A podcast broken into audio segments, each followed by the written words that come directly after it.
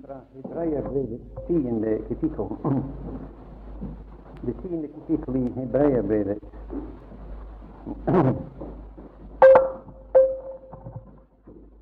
Og det niende vers.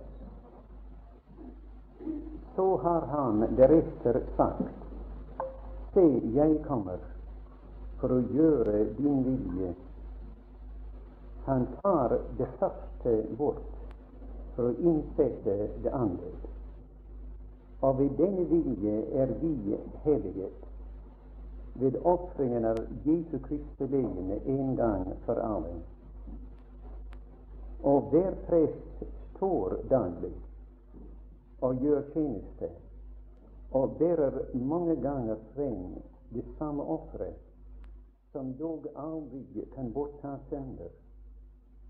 Men han har frembåret ett offer, ett offer for synder, og har deretter for alltid satt seg ved Guds høyre hånd.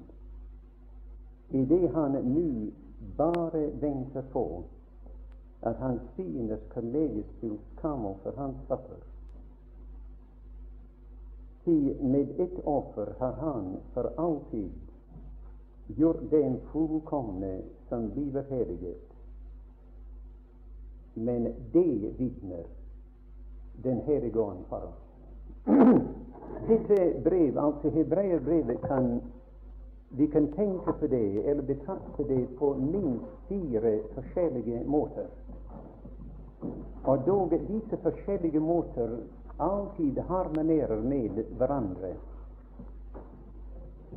Det første er at hebreerbrevet åpner himmelen for oss, som ingen, ingen annen bok i hele Bibelen gjør.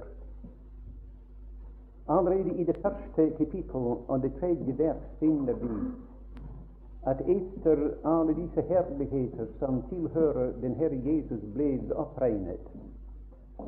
Han var Guds siste talsmann, og han var arving over alle ting.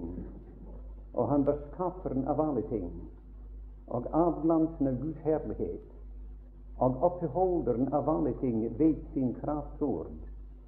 Og da han, ved, da han hadde gjort renselse for våre synder, satte han seg ved majestetens høyre hånd i det høye. Det er akkurat, mine venner, som om Den hellige ånd skyndte seg forbi Kristi grav og de 40 dager han vandret til jorden her. Man ville tro at han steg rett fra korset og satte seg på tronen. Til ingenting er sagt om de tre dager og ingenting om de 40 dager. Så det viser at Kristi kors er like helig som Guds trone. I gamle tid i, i Salomos tempo kopperalter som taler om korset, var 20 alen langt og 20 alen bredt. Og det aller helligste i tempelet var 20 alen langt og 20 alen bredt. Så et alter ville fylle hver eneste del av det aller helligste. Altså korset er like hellig, like viktig, like stort og herlig som tronen er. Så allerede i begynnelsen av dette brev her finner vi i det tredje vers at himmelens dør er åpnet. Og han har gått inn og satt seg på tronen. Og han har ikke lukket den døren etter seg. Så vi kan synge som vi samme tider synger her, se himmelens dør står åpen, jeg ser min Fader hjem. I profeten Isaias det sjette kapittel, der ser vi himmelen åpnet.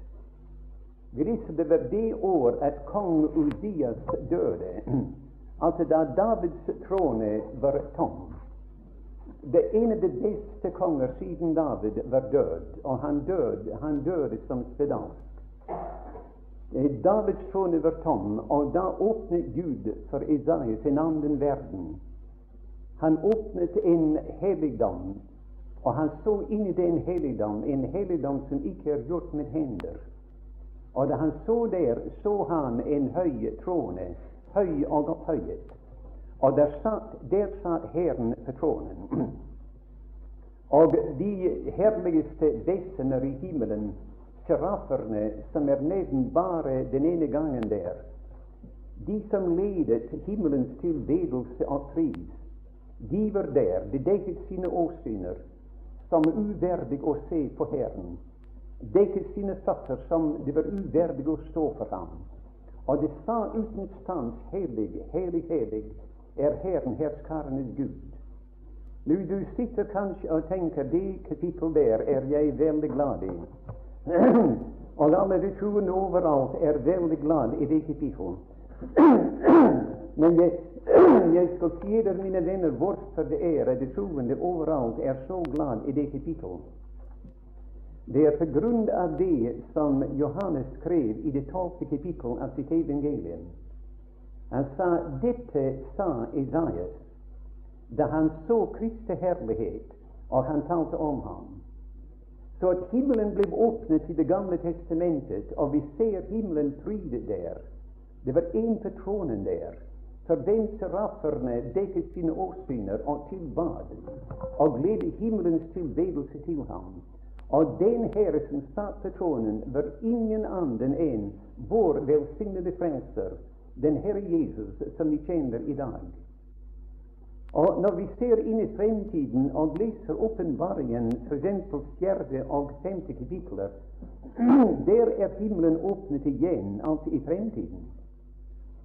Og Johannes ble rykket opp gjennom den åpne dør og inn i himmelen.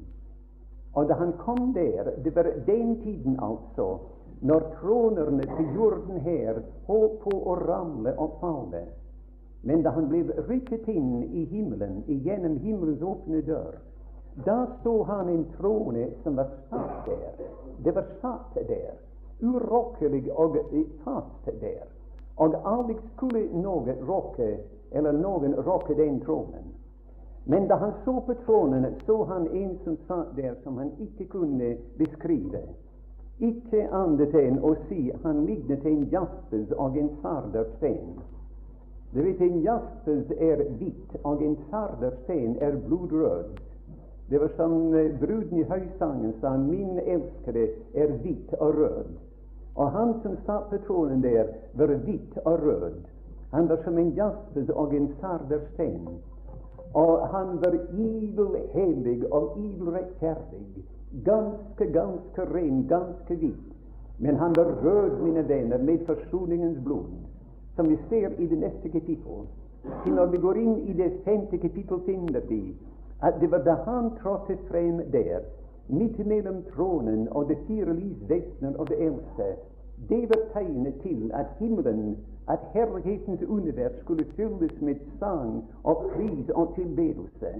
Verdig er lammet som ble slaktet, og som kjøpte oss til Gud med sitt blod.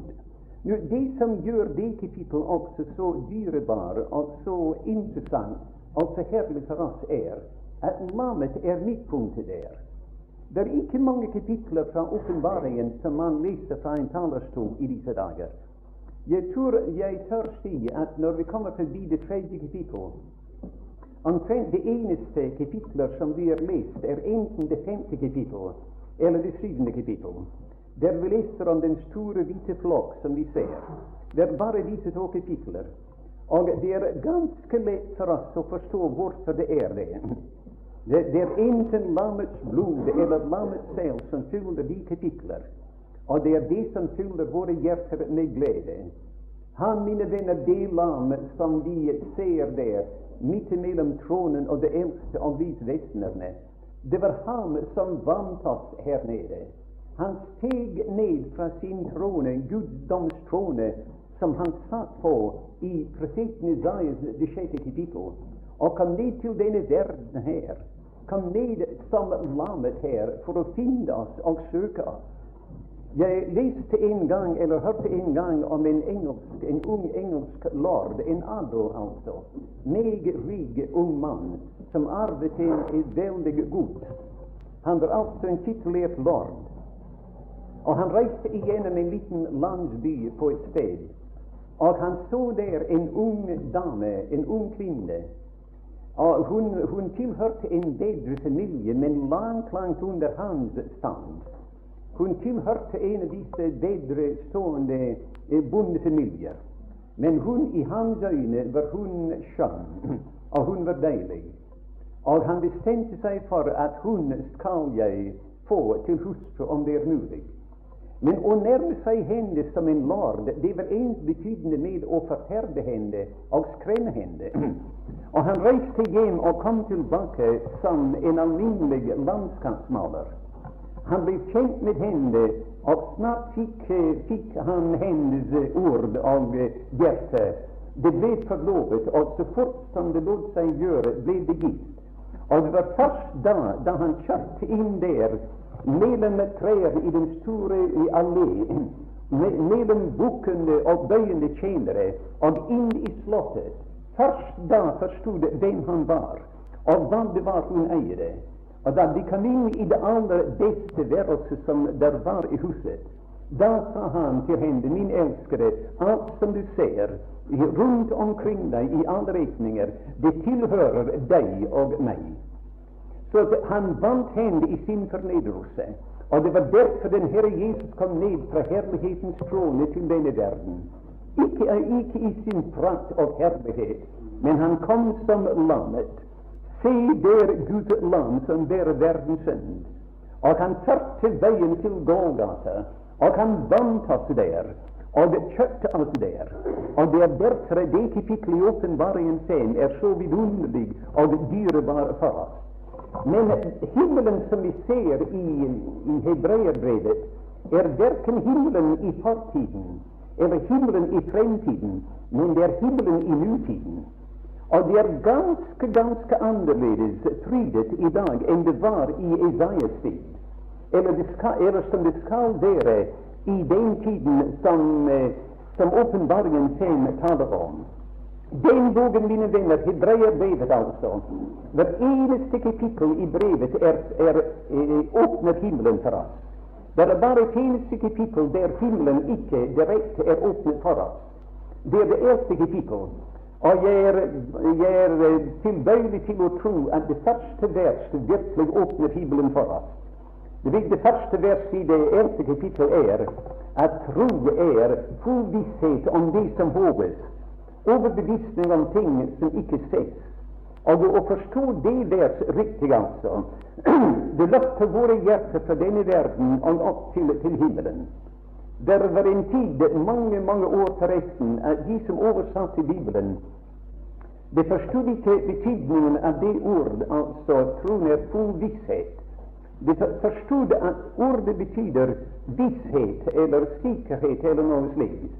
Men vanskeligheten var at de hadde aldri sett det ordet noe annet sted enn i det vers.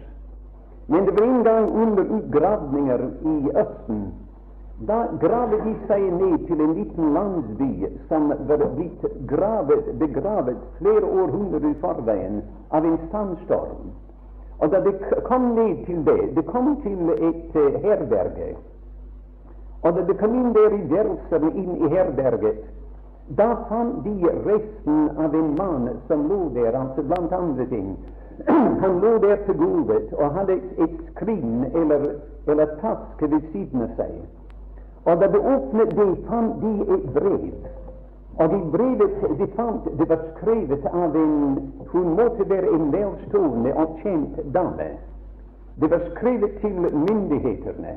Og han var på veien til dem med hennes brev. Og der stod i brevet Det, var, det gjaldt nemlig en eiendom som, som, hun hadde, som noen prøvde å rane henne og ta fra henne. Og hun skrev brevet til myndighetene for å forklare at uh, eiendommen tilhørte virkelig henne. Og da slutter hun brevet på den måten. For at mine herrer skal vite at, at eiendommen tilhører meg, så vedlegger jeg min full visshet. Altså med andre ord, jeg vedlegger skjødet på eiendommen. Hun eier skjødet på eiendommen, altså. Og de bevisste at hun var den rettmessige eier. Og sa hun for å overbevise mine herrer at eiendom tilhører meg, da vedlegger jeg min, og hun bruker det ord som vi har i det første kapittel, eller første vers i det eldste kapittel. Jeg vedlegger min full. Og da gikk det et nytt lys opp for de som oversatte Bibelen. Mine kjære venner, himmelens dør står åpen. Og, og vi ser den, hvordan himmelens trone er frydet i dag. Og vi ser disse vidunderlige ting som er der i herlighetens verden. Og når vi leser disse tingene, det er aldeles, aldeles henrivende å tenke på dem. Og alt sammen tilhører oss. Og vi har skjødet på eiendommen i våre hjerter. Troen er skjødet på det som håpes. Det er overbevisning om ting som ikke ses. Den gangen husker i det uforglemmelige kapittel Kjøle sa forleden dag da han begynte å lese disse alvorlige vers, at vi burde gjøre som Moses gjorde da han nærmet seg ildbusken. Han hørte en røst som sa, ta dine sko fra dine føtter, til stedet du står på er hellig. Og når vi nærmer oss, mine venner, det 17. kapittel i Johannes evangelien, da kan vi gjerne sko fra våre føtter, til det er sannelig hele grunn. Den, den Herre Jesus, mine venner, i det kapittel, han, han fremstiller sine gjerninger for tronen. Han fremstiller sine, sine gjerninger for Faderen. Vi, taler, vi taler ofte om Kristi domstol. Og vi forklarer at Kristi domstol betyr ikke den store, hvite tronen. Det betyr ikke at vi skal føres inn og dømmes for våre sønder. Den, den dom er forbi. Gudskjelov, mine venner, både døden og dommen og helvete og alt sammen er tilbakelagt for oss. Og det finnes ingenting nå foran oss uten en åpen dør til himmelen. Og vi synger som vi allerede har sagt, se himmelens dør står åpen, jeg ser min Faders hjem. Og korset blir ferden, jeg har ei langt igjen. Vi går til dette landet. alt annet er tilbakelagt. Men vi forklarer for våre venner at når vi står for Kristi domstol, da er det at vi fremstiller der uh, våre gjerninger. Våre gjerninger skal ses der i lyset av den trone. Og da blir det ingenting, mine venner, skjult. Og jeg skulle si det, det er en meget, meget alvorlig sak når vi tenker på Kristi domstol. Jeg beder meget, meget ofte når jeg på veien til møter eller et møte, å Gud, gi det at denne tjeneste blir en sånn tjeneste som jeg ikke skal behøve å skamme meg ved når jeg står på første domstol. Det blir en meget alvorlig sak. Til Herren skal uttale sin mening om vårt liv her nede. Ville ikke du og jeg gjerne høre Han uttale og hans mening om vårt liv her nede? Det ville være forferdelig å gå inn i evigheten og ikke vite hva Han mente om det livet vi har levet her nede. Nå vel, Vi skal gjøre det når vi står på Kristi domstol. Men den første, den aller første som stillet sine gjerninger frem for tronen, var Kristus. Den første som brakte sine gjerninger frem og bad å Gud, la lyset stråle i den. Jeg har fullbyrdet den gjerning som du gav meg å gjøre, og du venter jeg min belønning. Og min belønning er jeg venter min Fader at som et menneske, som en tjener som jeg har vært her nede, men en guddommelig menneske, mine venner, at jeg skal få den plass tilbake og den herlighet tilbake som jeg hadde hos deg før verden var. Han bad den bønn, mine venner. Det var som om han sa, min Fader, det er din gjerning du gav meg å gjøre. Og om du leser igjennom det kapittel, skulle finne at det var akkurat åtte ting oppregnet i det kapittel som han skulle gjøre. Og disse åtte ting, mine venner, som han skulle gjøre, gjelder deg og meg. Det er nåde over nåde. Det gjelder oss. De gjerninger han skulle gjøre her nede. Og nå sier han, min Fader, til det kapittel, mine damer, det 17. kapittel i Johannes evangelium, der er korset liksom tilbakelagt. Han taler som om han var forbi Korset er ikke neden der. Han døde ikke neden der. Synder ikke neden i det kapittel. Alt er bak ham, og han står der for tronen, for Faderens åsyn. Sier, min Fader, jeg har gjort alt som du eh, gav meg å gjøre. Jeg har fullbyrdet den gjerning som du gav meg å gjøre. Nå vil du, min Fader, dømme, dømme disse gjerninger. Og jeg er der den, den belønning som du lovet meg. Døm du om jeg er verd det. Mine venner, hebreerbrevet viser at hans bønn blir fast. Og hebreerbrevet beviser at Faderen besvarte den bønn. Så han sa til ham den, den gangen, min sønn, sett deg ved min høyre hånd, til jeg gjør dine fiender til skammel for dine føtter. Og om du leser den 110. salme, der dette ordet er skrevet, men les den 109. salme først. Da skulle finne eh, forklaringen der. Den 109. salmen, mine venner, der oppregner den Herre Jesus. Det er bare Han som taler. Og sier han, min Fader, den behandling hadde jeg fått her nede. For min kjærlighet får jeg hat. Og det hater meg uten årsak. Og han taler om Judas Iskariot og hva han gjorde. Og han regner opp alt sammen som menneskene har gjort. Og den behandling han har fått som mennesker. Og når, når han er ferdig, for han taler helt igjennom den salmen. Når han er ferdig, da taler Faderen. Og den eneste som taler i den 120. salme, er Faderen. Han sa min sønn, mitt svar til alt som du har gjennomgått på jorden der, mitt svar til det hele er sett deg ved, ved din høyre hånd inntil jeg gjør dine fiender til skammel for dine føtter. Og der satte han seg, og han fikk den plass tilbake, mine venner.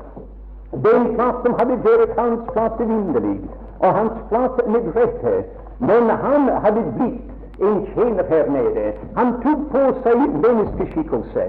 Han, han arbeidet her nede som en træl, som en tjener, og Gud bad han at som en, en belønning for sin tjeneste han skulle få den plass tilbake. Og han trådte mine ben. han kom ned fra himmelen som Gud. Gud åpenbarte kjøl, og han tok mannen opp til tronen igjen. Gud kom ned, og mennesket gikk opp. Men et guddommelig menneske, og det er det vi finner i dette deilige, vidunderlige brev her, altså hebreerbrevet. Som jeg sa, det eneste kapittel åpner himmelen for oss.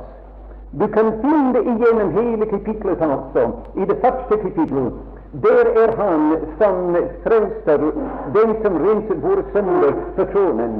I det andre kapittel der er han kledd i sine klær for herlighet og ære. Og der er våre navner på sitt bryst som vår velsignede prest.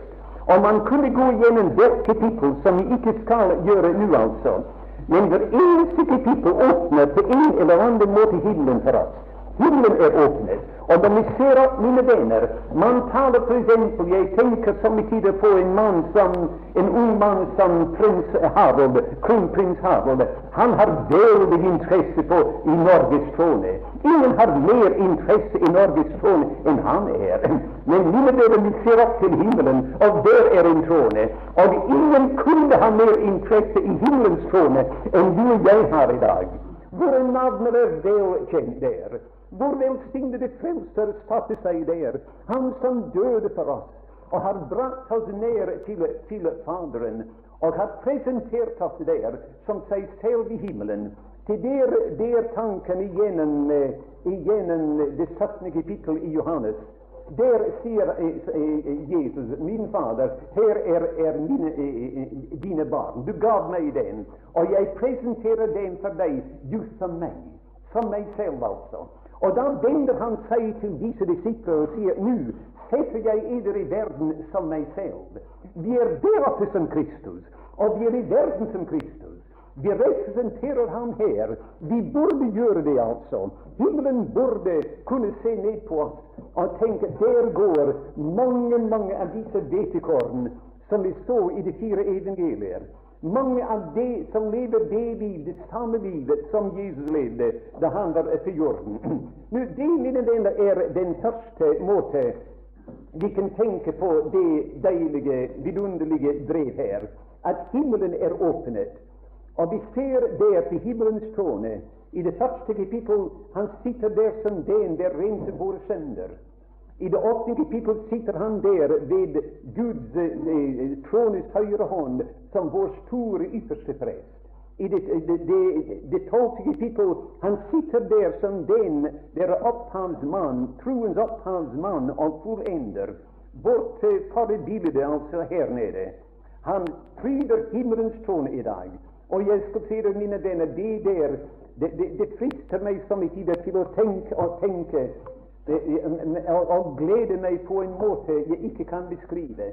Når jeg tenker at når den dagen kommer, og jeg treder inn i herligheten, og jeg kommer inn gjennom himmelens perleporter, den som jeg skal treffe da, og som jeg ser den skikkelse nærme seg meg, som jeg ser ham, mine venner, som han kom nærmere og nærmere, og jeg skal si han er en virkelig mann. Ikke en engel, en ukjent engel. Ikke en av disse seraffer eller keruber, men et virkelig menneske som jeg er et menneske. Og vi skal se menneskets snille hans ansikt. Menneskelige øyne eh, eh, ser han på oss. Og et menneskelig hjerte. Det er han, mine venner, vi skal treffe. En virkelig mann, men en guddommelig mann. Et guddommelig menneske skal vi se når vi kommer der. Der tanken igjennom hele dette vidunderlige brev. Tronen går igjennom hele brevet, og han er på tråden. Samtidig når vi ser på en side, er han konge, som i det første kapittel. Når vi ser på en annen kant, er han den som renser våre synder. Når vi ser på en annen kant, ser vi ham kledd med disse deilige klær, og våre navn er skrevet på hans bryst. Han er vår, vår velsignede ypperste prest. Og helt igjennom dette brevet Det er den ene måte vi kan se på brevet på. Den andre måte er at hebreerbrevet er det er motbildet til det vi leser om i 3. Mosebok 16. I det 16. kapittel i 3. Mosebok vi leser om den velkjente dag i Israel, altså forsoningens dag. Disse burde ikke være vanskelige sannheter for alle sammen å følge eller å forstå. Til forsoningens dag var en, en meget, meget kjent dag iblant de troende. Det burde være det. Og den dagen, når om du leser det 16. kapittel og andre deler av 3. Mosebok og 4. Mosebok, skulle finne at vi ser ypperste presten i tre stillinger den dagen. Vi ser han den kledd den morgen, og han hadde bare det hvite, den hvite kledning på. Ikke sine klær for herlighet og ære, men en hvit kledning på seg. Og der medens Israels millioner forsamlet, til alle forsamlet den dagen, gamle og unge, store og små forsamlet. Og de ser sin ypperste prest gå der kledd i idelhvitt, og han går til offerstedet utenfor leiren. Ikke denne gangen til alteret, men utenfor leiren. Og han går der, og han tar sitt offer, sitt syndoffer. Og han legger sine hender på dette syndoffer. Og han slakter offeret. Og siden fra offerstedet går han inn gjennom tabernaklet, helt inn til det aller helligste. Og han trekker forhenget til side. Han har røkelsekar med røkelse i og et fat med blodet i, syndofferets blod i. Og han tar sin finger og han legger en dråpe blod opp på nådestolen. Og han tar en finger igjen syv ganger og, og dekker jorden nedenfor nådestolen med syv store bloddråper.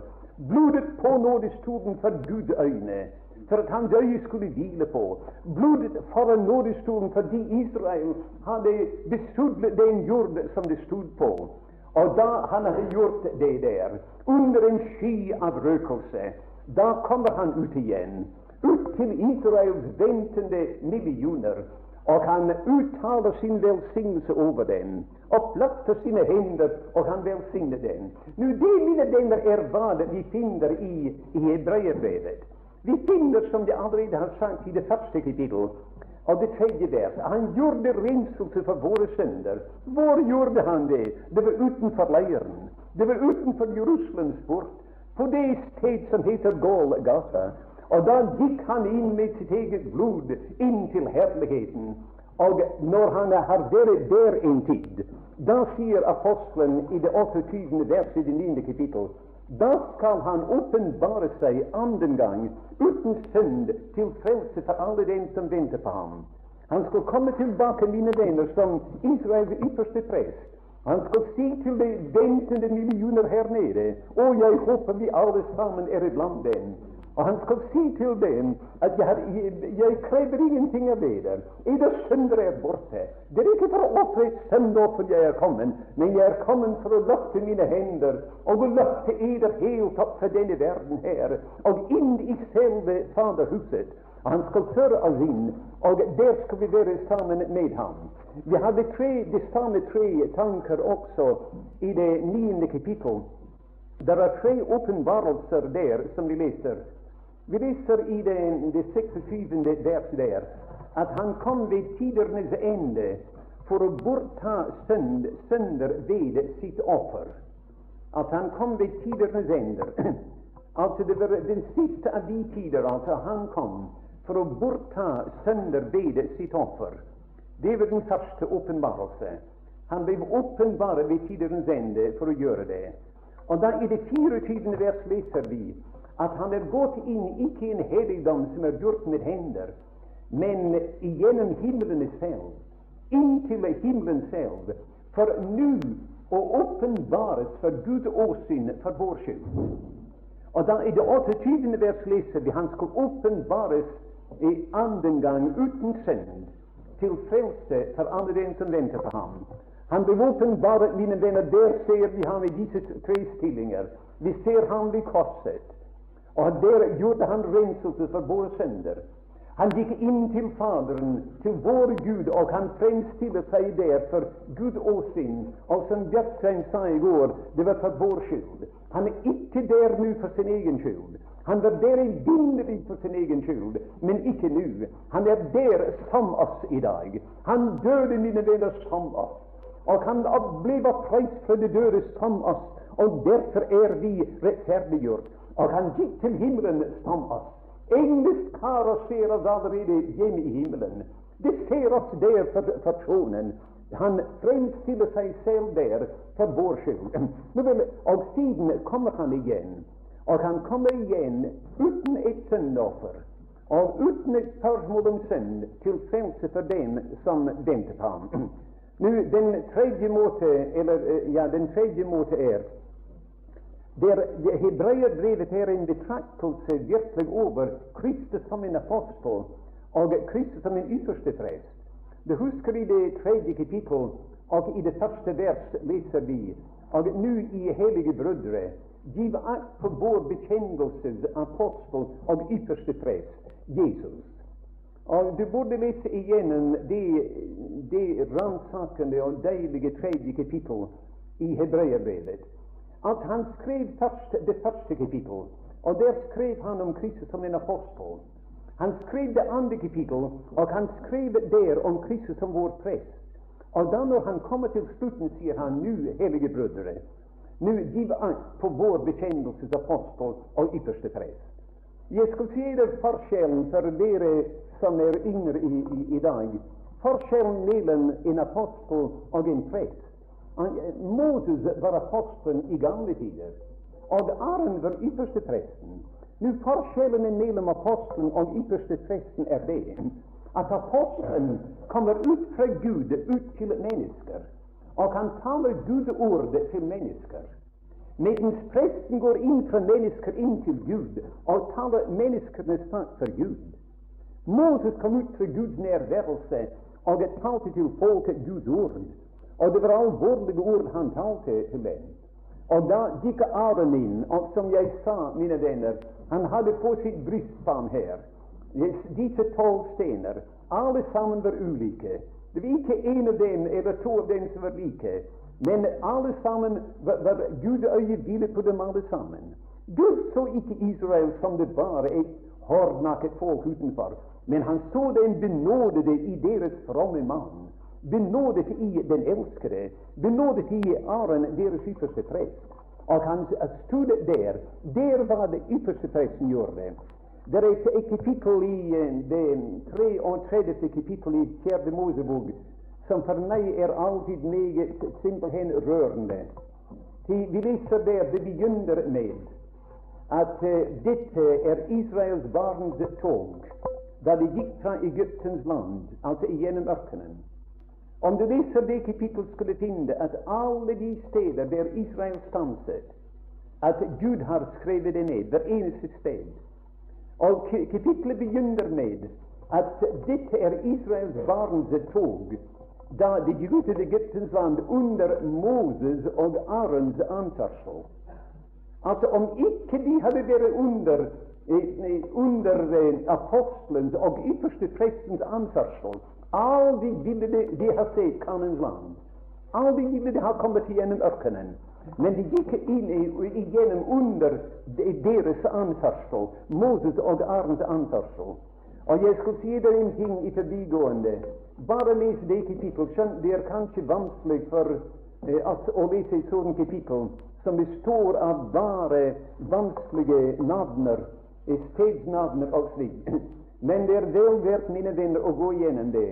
For Jeg skal si det, skjønt Merba er nevnt, og Mar er nevnt, og Mas er nevnt, og, og eh, de, disse andre steder er nevnt. Det fins ikke et eneste ord skrevet om deres sønner. Ikke et ord. Stedet er nevnt. At det hadde vært der. Det hadde vært der ved Mara og Mas og Merba og Kades Barnea og det andre steder. Og det var så hårdnakket, altså, at det var på nippen av at de gikk under flere, flere ganger. Men nå er vi kommet til enden av sin reise der i det kapittel. Altså fjerde Mosebok 33. Og det står på grensen av Kanen. Det hadde delvis kommet inn i det. Og Gud leser det kapittel for dem. Og jeg tenker, mine venner, når du og jeg er landet i himmelen, og vi leser et sånt kapittel som det Gud skal lese det for oss. Han skal si du var den gangen så mange dager på sykeleie, men han skal ikke si et eneste ord at du klager da og knurrer da. Han skal tale om de trengsler som du gjennomgikk, men ikke et eneste ord, mine venner, at du syndet og, og talte hardt om Gud, om din Fader. Han skal nevne alt det, all det har gjennomgått.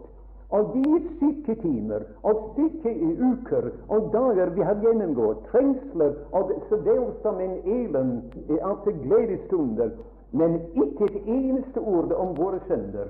Det er det som har forbauset meg. Jeg kunne neppe tro det da jeg gikk gjennom det kapittel og søkte etter det, men ikke et ord er nevnt. Hvorfor, mine venner, er det ikke et ord nevnt om deres synder? Du måtte gå inn i det aller helligste. Og der under blodet var deres sønder. Nådestolen dekket over alt sammen som var der. Nådestolen dekket over den kroken med manne som talte om deres knuer, og, og, og, og disse stentavler som talte om deres avgudsdyrkelse. Nådestolen dekket over alt sammen, og blodet var på nådestolen. Og det ikke et eneste ord er talt om det. Og tror I for et øyeblikk, mine venner, at når vi står på den gylne strand i herligheten, og, og vi tenker på at vi er forlatt, ikke med blod av okser og bukker og kalver og slike, men med Kristi dyrebare blod, tror I for et øyeblikk at vår Fader i himmelen ville banere sin velsignede Sønn ved å tale om de sønder som Hans blod hadde fjernet. Aldeles ikke. Deres synder og overtredelser er glemt for lenge siden. Vi ser som i tider man hører ofte Jeg har hørt i min tid at det ord som Markus sier, at uh, der han sier at ingen kjenner tid eller, eller stund ikke engler i himmelen, ikke engang Sønnen, men bare Faderen. Og det bruker det. De sier nå det er et bevis på at han ikke var guddommelig. Ellers ville han ha vist det. Det er et bevis på, mine venner, at han var guddommelig. Det guddommelig å kunne slette en ting ut av hukommelsen. Gud alene kan gjøre det. En guddommelig person. Jeg skulle appellere til noen som helst som er her i aften. Prøv du å utslette fra hukommelsen det som skjedde i går. Unntagen altså at sykdom kommer inn, og, og du, du, er sykalt og taper hukommelsen. Men prøv du å utslette fra hukommelsen det som skjedde når som helst i livet ditt. Og jo mer du prøver å gjøre det, desto mer skal du fylle ditt sinn. Altså, du kan ikke, men Gud kan gjøre det. Gud sa i Hebreerne i det tiende kapittel deres sønner og deres overtredelser vil jeg aldri mer komme i hu. Det er utslettet altså av, av hans hukommelse. Og uh, når det er utslettet av hans hukommelse, da burde du og jeg, mine venner, så fort som vi bare kan, prøve så meget som mulig å glemme den. Ja, men du sier vi kan ikke glemme til vi er bare mennesker. Nei, vi kan ikke. Men det er én måte til hvilken vi kan få disse ting iallfall trengt ut. Og det er hva noe annet kommer inn. Og når noe annet kommer inn i dine tanker, for eksempel om Kristus fyller dine tanker, nå, da har du ingen interesse av å tenke på de sønder som hans blod har renset bort. Og da har du bare, bare interesse av å gå inn i det aller helligste. Og, og dere der der synd ikke er nevnt. Inn der synd der nede utenfor. Synder utenfor. Det er bare hellighet der. Gud er der, og Gud alene er der. Det var en liten gutt en gang som lekte inn i soveværelset der hans mor eh, lå syk. Og sykepleiersken sa nei, mamma tåler ikke det her, du må inn i et annet værelse. Og han tok den lille gutten og satte ham inn i et annet værelse. Men han lengtet etter allikevel å være sammen med mamma sin. Og han fikk en av disse sin lille skoletavle, og han skrev med kritt 'Kjære mamma min, om du tilgiver meg' og du giver meg lov til å komme tilbake til deg, da vær så snill å tørke bort alt jeg har skrevet. Og han gikk som en liten sønder og banket på døren, og sykepleiersken lukket opp. Han sa 'Gi tavlen til mamma min', sa han. Og hun fikk det. Og det var ikke fritt for mine venner. Der kom en tår i mammas øye. Men hun tok sin våte hånd og tørket bort alt som han hadde skrevet. Og hun sa nå 'Gi tavlen til gutten min'. Han stod utenfor og ventet. Han fikk tavlen, og han sto på begge sider. Ikke et ord beskrevet. Nå lærte han, mine venner, disse to ting. At mamma har utslettet den der borte, og jeg har fått adgang til hennes nærværelse. Det er hva vi har i det tiende kapittel, som vi ikke skal si noe om i dag, forresten. Nå vel, det er disse, tre, disse er tre av de måter vi kan tenke på hebreervevet. Vi kan tenke på det sånn at himmelen er åpnet nå. Og vi har mer interesse der i himmelen og til himmelens trone enn kronprins Harald har på Norges trone i dag. Vi er vel kjente der. Vi er ikke fremmede der. Vi er, ikke, vi er, vi er Guds husfolk. Vi leser i den tredje salme om aftenen kommer sorg eller gråt som gjest at det er gjestene her nede, og vi er blant gjestene her. Men om morgenen er det frisang. Gråt kommer aldri inn i vårt hjem der. Vi er ikke gjester der. Vi er barn i vår Faders hjem der. Det er den ene måten, at himmelen er åpnet. Kristus er på tronen der. Og der for alt som du og jeg trenger for både tid og evighet. Og siden den andre, ting, den andre eh, måte var vi kan tenke på eh, eh brevet som et motbilde til det 16. kapittel i Tredje Mosebok, altså forsoningens dag, der vi ser alt som presten, ypperste presten gjorde. Folket, mine venner, var utenfor. Det bare stod der, stod der i, i, i stum forundring. Der taus den dagen. En hellig frykt antagelig la seg over dem. Vi er et syndig folk, men nå, der går vår velsignede ypperste prest. Der går han hvitt kledd utenfor leiren, og han går der. Han ofrer der sitt offer. Og siden alvorlig, mine venner, gikk han igjennom tabernaklet, bærende blodet inn, under en sky av røkelse, inn i det aller helligste. Og med én finger til vi leser ikke han dyppet sine fingre i blodet, men sin finger i blodet. Og han tenkte en dråpe blod på nådestolen. Og syv ganger foran nådestolen. Syv dråper foran nådestolen. Og da han hadde gjort det, da vendte han seg, og han gikk ut til folket uten synd, uten et syndoffer, til velsignelse for dem som ventet på ham utenfor. Det er den andre måte og hele brevet, altså, iallfall det første ti kapitler, taler nettopp om det. Han gikk inn i det første kapittel. Med sitt eget blod. Er der nå i dag, og han skal komme tilbake igjen. Uten sønn til frelse for alle dem som venter på ham. La meg bare si i, i parentes som jeg går forbi. Noen av dere sitter når jeg siterer det vers, og kanskje glemmer andre ting som blir sagt i det du tenker og frykter, blir jeg da iblant dem? Til det står der han skal komme den andre gang uten sønn til frelse for alle dem som venter på ham. Jeg undres om jeg venter nok på ham, eller, eller om jeg blir med. Og det er andre som du kjenner, som kanskje ikke engang kjenner til Herrens komme. Og det er utallige tusener som ligger i graven, som aldri hørte om det, som er troende.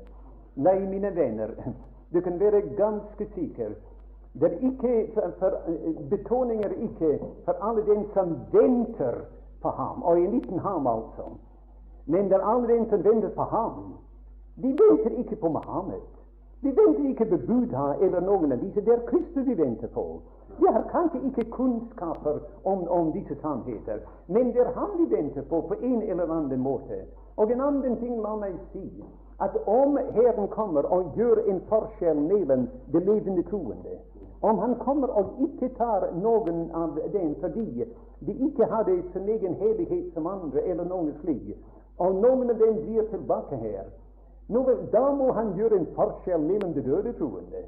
Og istedenfor at de får del i oppstandelsen fra det døde, mange av dem må ligge tilbake der. Ah, mine venner, det er ikke verdig, en verdig tanke overfor vår Gud. Det er ikke verdig vår velsignede Herre Jesus. Nei, mine venner, hans tilkommelse er en del av vår frelse, og frelse er av nåde. Og når den dagen kommer, som jeg tror vi nevnte i går, skjønte alle skal ikke hensove, men alle skal forvandles.